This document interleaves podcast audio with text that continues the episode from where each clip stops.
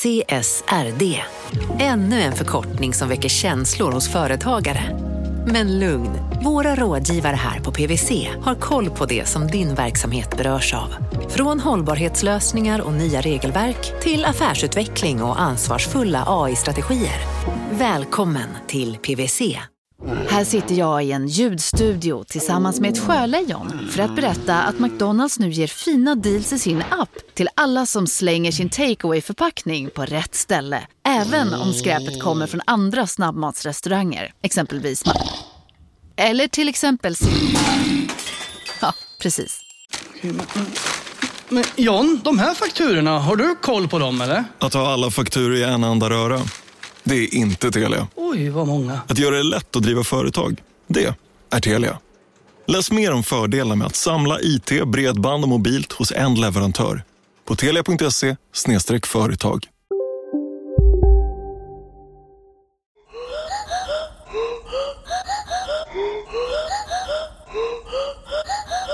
Från Monopol Media, det här är Kapitalet. Jag heter Gunnar Harjus. Och jag heter Åsa Secker. Och den här veckan ska vi ta oss tillbaka i tiden till 2018. Det är inte jättelänge sedan. Nej, det- Men det var ett magiskt år. Visst? Eh, veckans avsnitt är en repris. Eh, det är ett avsnitt som handlar om parfym, Mm. vilket kanske låter så lite smalt eller ja, jag vet inte, tråkigt kanske i vissa öron. Men det är faktiskt så att parfymmarknaden är jätteintressant. Verkligen. Eh, Dels har den växt jättemycket. Eh, Den har gjort det på ett väldigt, väldigt spännande sätt. Och den kan eh, kanske eh, bli någon slags blueprint för hur eh, andra konstnärliga branscher skulle kunna arbeta. Vi behöver kanske egentligen inte säga så mycket mer än så. Nej, jag tror inte det. Förutom att det kommer en uppdatering i slutet om vad som har hänt med parfymmarknaden sen det här avsnittet sändes. Så stanna tills dess. Nu, tillbaka till 2018, eh, när jag bad Jakob bedöma hur gott jag egentligen luktar. Åh, killmys. Uh, Jakob, du får komma lite närmare. Jag ska ha den ganska nära micken tror jag.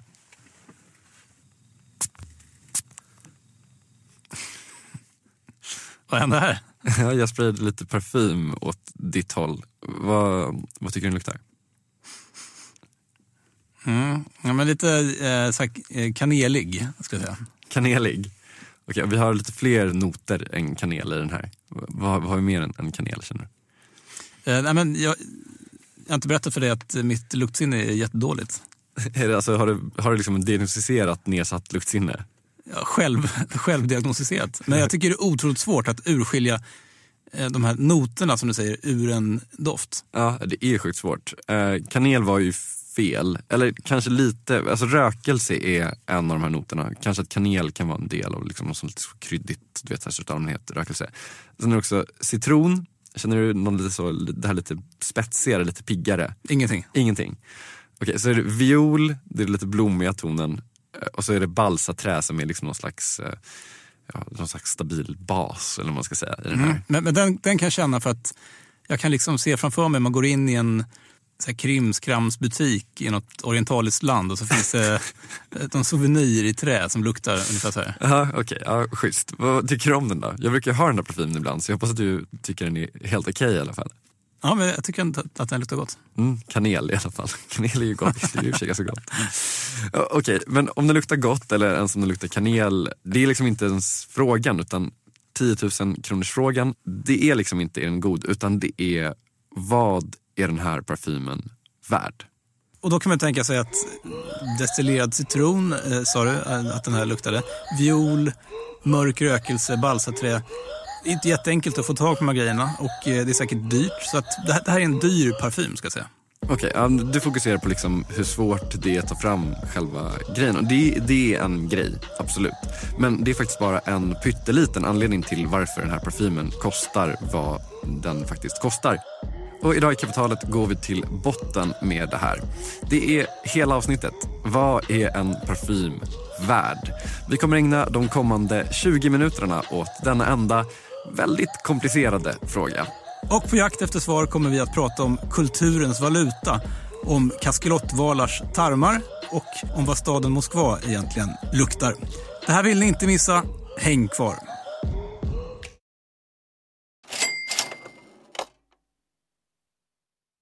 Vi sponsras av alltså Storbrand Asset Management som ju förvaltar över 1000 miljarder norska kronor, bland annat för SPPs eh, många pensionssparare. För två år sedan så investerade Storbrand i drygt 60 tåg, alltså tågvagnar, eh, som rullar mellan London och Skottland. De leasar sedan de här tågvagnarna till tågoperatören som alltså kör tågen och säljer biljetter och sånt eh, med ett avtal på 27 år. Så britterna får nya fina tåg och storbrandskunder, eh, däribland alltså SPPs pensionssparare, får en inflationsskyddad avkastning med låga risker under lång tid. Det här är ett av supermånga exempel på hur pensionskapitalet i växande omfattning bidrar till att bygga samhället och inte minst till att klara klimatmålen. Det behövs elproduktion, elnät, batteriparker, nya transportlösningar och allt möjligt. Bara i Europa antas investeringsbehovet för att klara klimatmålen uppgå till tusentals miljarder dollar. Och det här är ju pengar som ganska ofta saknas i statsbudgetarna. Däremot är det här pengar som pensionsbolagen kan vara med eh, och stoppa in, vilket ger pensionsspararna en fin avkastning under lång tid samtidigt som man är med och ställer om samhället. Vi har gjort ett helt avsnitt om det här eh, som man kan lyssna på. Det publiceras här i Kapitalet i mitten av maj. Ratta gärna in det om ni vill lära er mer om hur det här funkar. Men tack säger vi till Storbrand Asset Management som ju investerar i alla tänkbara tillgångslag, bland annat för pensionsbolaget SPP. Och tillsammans försöker ju vi, Storbrand och SPP, öka medvetenheten om hur pensionerna funkar och vilken roll pensionerna spelar i samhället och i ekonomin.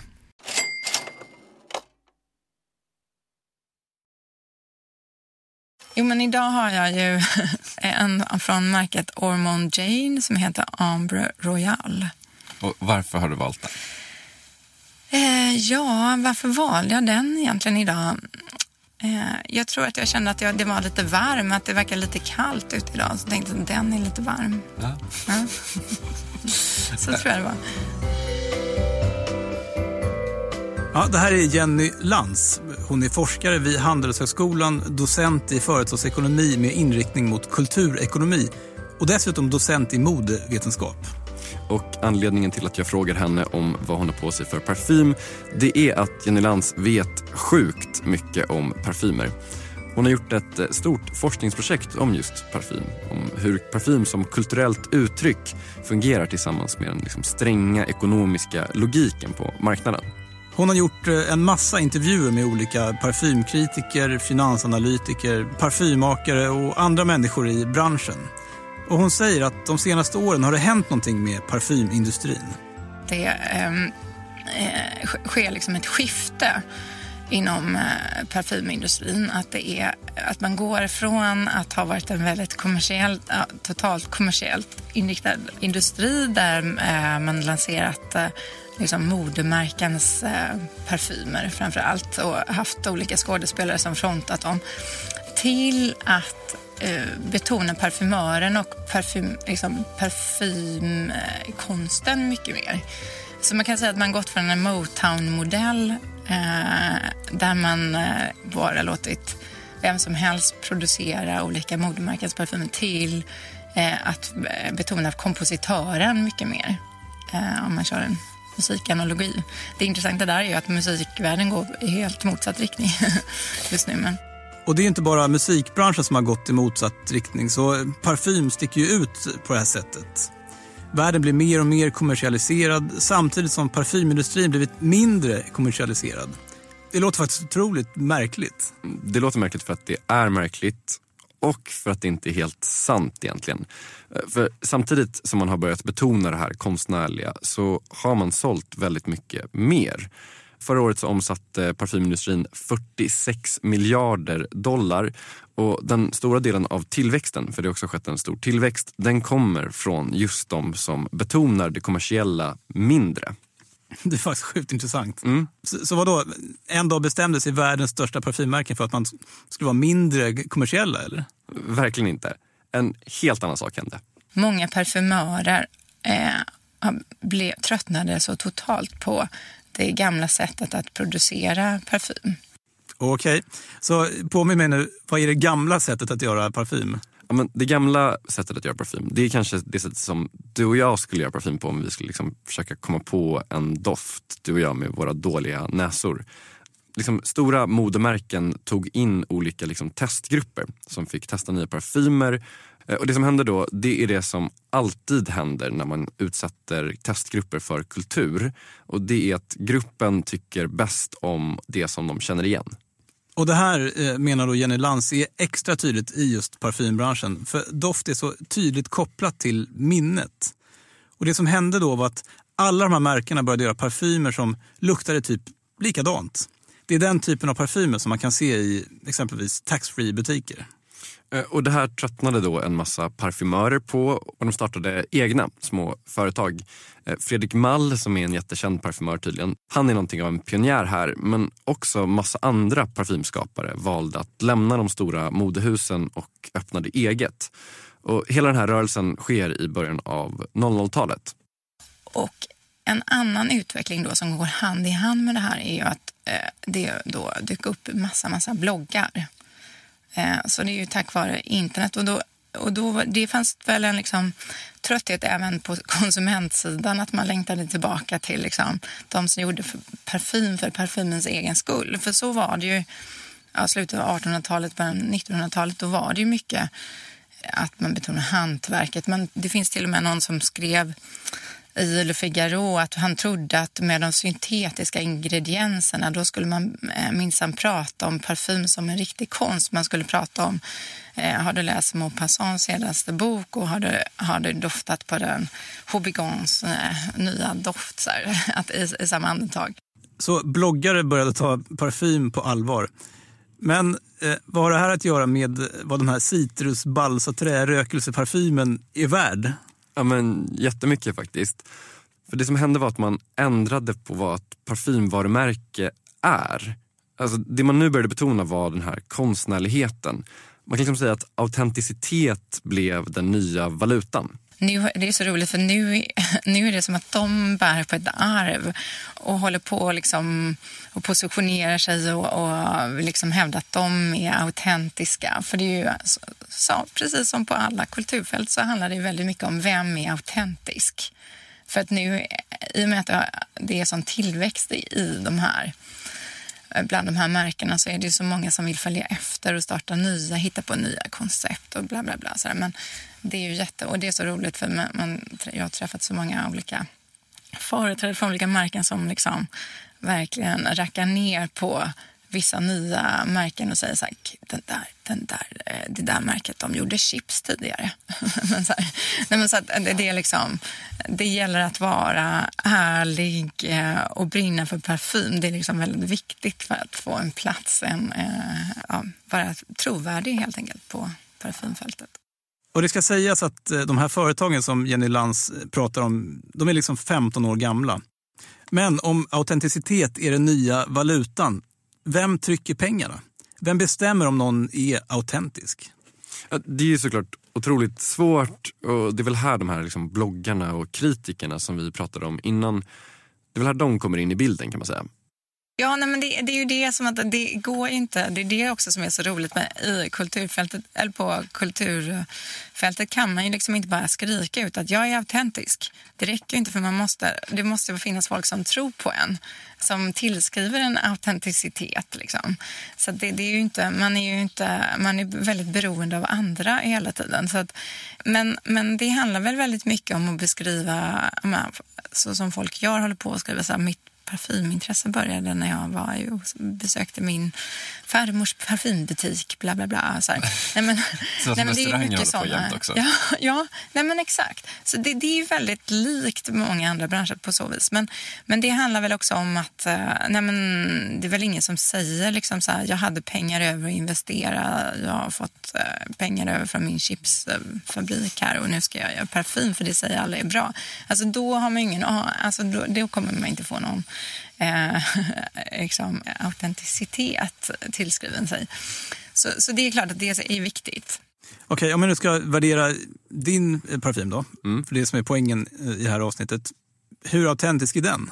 Ja, men, ganska autentisk skulle jag säga. Den heter Admirabilis och görs av ett företag som heter La Manufacture och deras hemsida är liksom en orgie av storytelling. Det står massa om grundaren Bruno Tuchon Bartet som efter 20 år på ett stort parfymföretag cultivated an uncompromising passion for the rare materials used by master perfumers. Uh, du hör liksom. Och beskrivningen av själva parfymerna när man går in på den sidan, det är liksom snarare små dikter än någonting annat. Så den parfymen som fortfarande hänger kvar ganska tungt i luften här i studion, den är verkligen representativ för den här rörelsen som Jenny beskriver. Funkar det här eller? Ja, alltså jag köpte den ju. Och företag som La Manufacture står för 70% av tillväxten i hela parfymindustrin. Så ja, det funkar. Många gånger så pratar man ju om att kultur och ekonomi, att, att det ofta blir slagsida åt ett håll, att det är eh, att det antingen är ekonomin som tar över och då får liksom eh, kult, de kulturella värdena stå tillbaka eh, eller att kulturen tar över och det ekonomiska får stå tillbaka. Men här har det verkligen, det är ett samspel liksom. Eh, så på makronivå har det verkligen varit här, eh, korsbefruktning. Men, men om man sen går ner och pratar med enskilda personer i parfymindustrin så kan man såklart träffa på parfymörer som hatar allt som handlar om money making och så här. Som verkligen, men det är ju så man ofta för att uppnå det där oberoendet som är så viktigt för att det ska bli kulturella värden så måste man ju också positionera sig så. Så det är inte så konstigt att de pratar så ibland. Men, eh, men det har ju varit en väldigt intressant liksom, effekt på den här industrin, att den har förnyat sig själv. Det här förnyandet som industrin har hållit på med, den bygger också på en annan princip. En annan valuta som de nya har tagit till sig och som de gamla aldrig kan använda sig av. Vad det är och vad i hela fridens namn det har att göra med kaskelotter efter det här.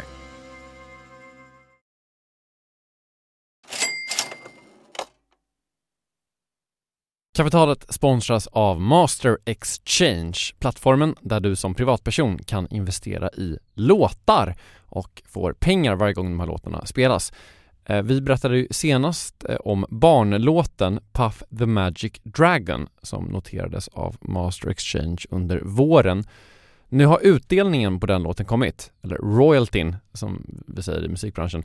Eh, den ligger på drygt 12% i årstakt och det här är ju en avkastning som är helt okorrelerad till börsen.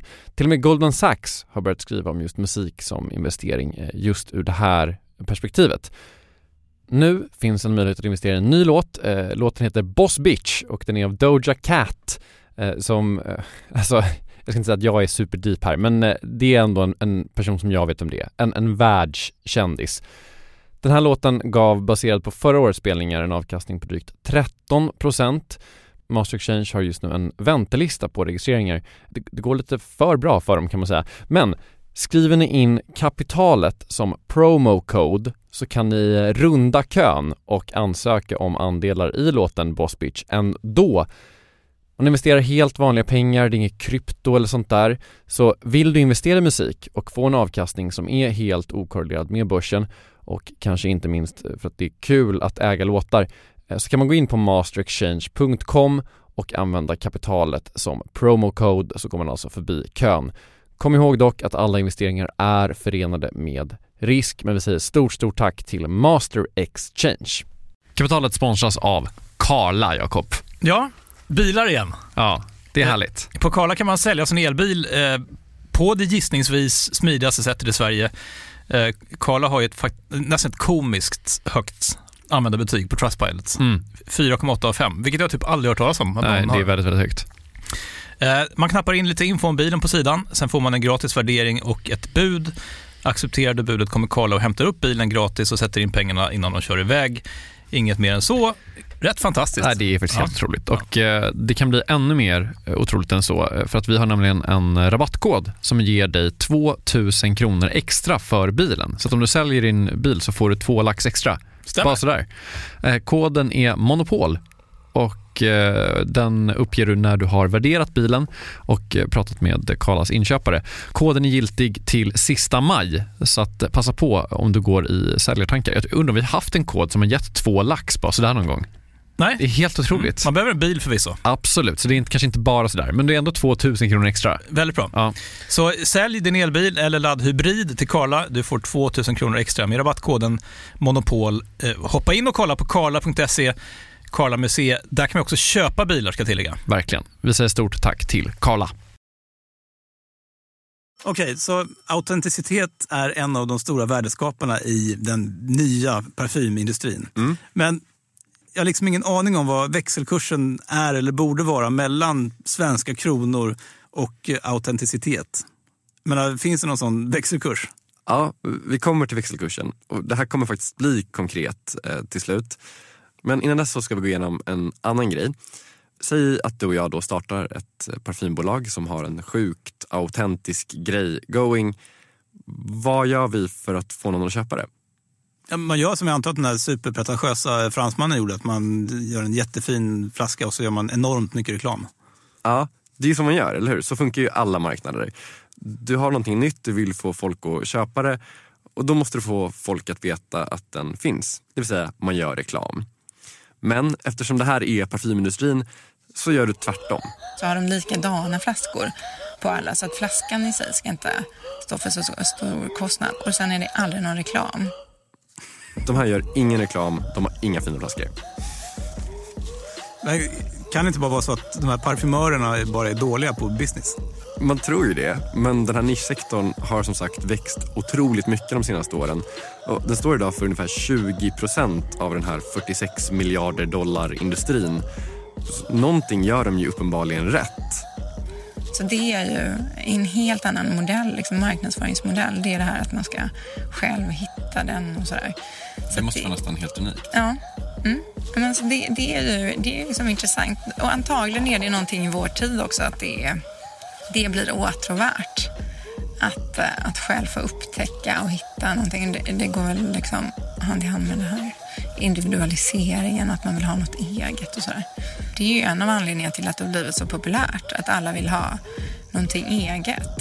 Och särskilt då sen Sen de här eh, kommersiella, om man tänker så här, taxfree-butikernas parfymer har blivit så otroligt lika varandra. Att det bara är så här, eh, blom, blommor och frukt, blommor och frukt. Typ.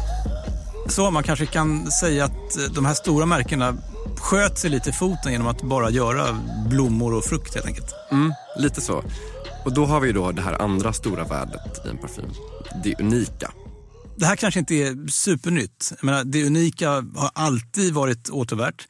Men inom parfymindustrin så har det här kommit extra starkt de senaste åren. Det finns parfymerier som tar fram helt unika dofter åt sina kunder.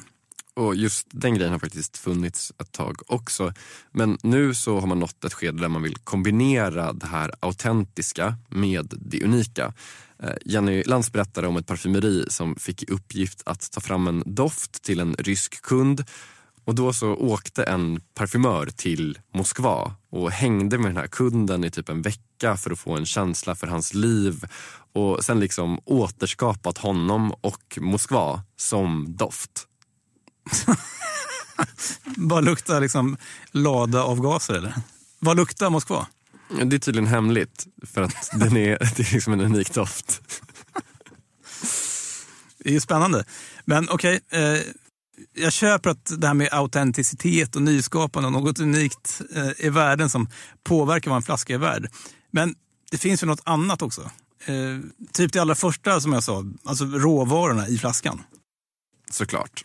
Det är klart att det påverkar priset för det är liksom skillnad på vad som är i en parfym och vad som är i en parfym.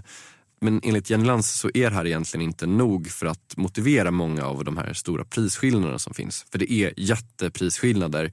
Eh, jag bad henne jämföra Chanel nummer 5 som är ja, en, vet, parfymernas parfym typ och Calvin Klein One som kanske inte är parfymernas parfym men ändå liksom en, en känd parfym. Och prisskillnaden där är flera hundra procent och hon har svårt att tro att det här ska kunna motiveras i ingredienserna. Men eh, ja, nej, det, det, det, alltså jag vet ju Chanel äger ju sina egna jasminfält och rosfält så här, vid eh, jag menar utanför Grass och så här, så de har ju väldigt hög svansföring när det gäller ingredienser och sånt. Calvin Klein vet jag inte, den, är ju, den var ju banbrytande, verkligen banbrytande när den kom. Den har ju uh, mycket mer syntetiska ingredienser, det är antagligen mycket sånt kanske som ligger till grund. Men å andra sidan kan man ju tänka så här att gud, de har båda varit i produktion så himla länge. Så det, det, men kanske har det helt enkelt att göra med efterfrågan, att Chanel nummer fem fortfarande bärs på ett helt annat sätt än, än Calvin Klein number one. Att den är, den är så märkt av sin tid. Alltså, har Chanel egna jasminfält? Ja, tydligen.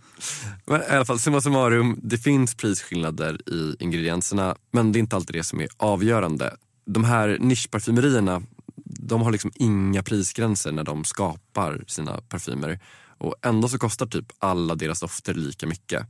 Så de har väldigt bra marginaler, tror Jenny Lantz. Och jag var i Jovoy, eh, som är ändå en jättekänd parfymbutik i Paris, men deras Londonbutik som de öppnade för något år sedan. Och där hade de en utställning med Ambra.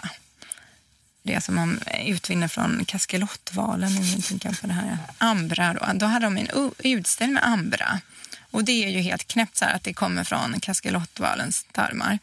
Eh, och att det är en så vanlig. Och det, kommer ju bara, det, det är ju en jättelåg andel kaskelottvalar som producerar det här från sina tarmar. Så det är ju liksom pyttelite som är äkta. Men, men sen kan man göra den på syntetiskt sätt också, Ambra. Men, men, eh, men då hade de en utställning där det var äkta Ambra och så kunde man köpa de här bitarna. Men det kostar liksom hysteriskt mycket. Det var så här 100 000 pund eller det, det var så här jätte, jättemycket. Eh, ja, men det hade några köpt där tydligen då. Så hade de det hemma och det trodde de skulle komma jättestort och bli jättestort med äkta Ambra.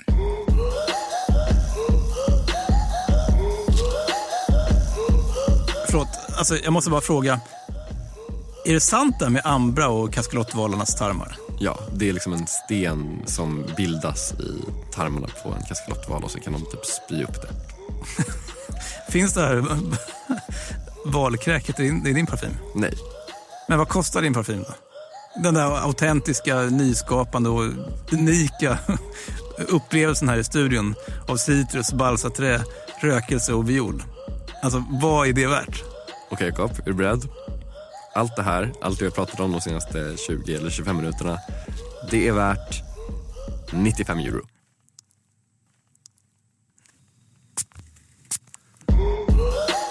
Får man säga att du har en dyr parfym? 95 euro? Vad kostar din parfym? Jag använder inte parfym. Nej.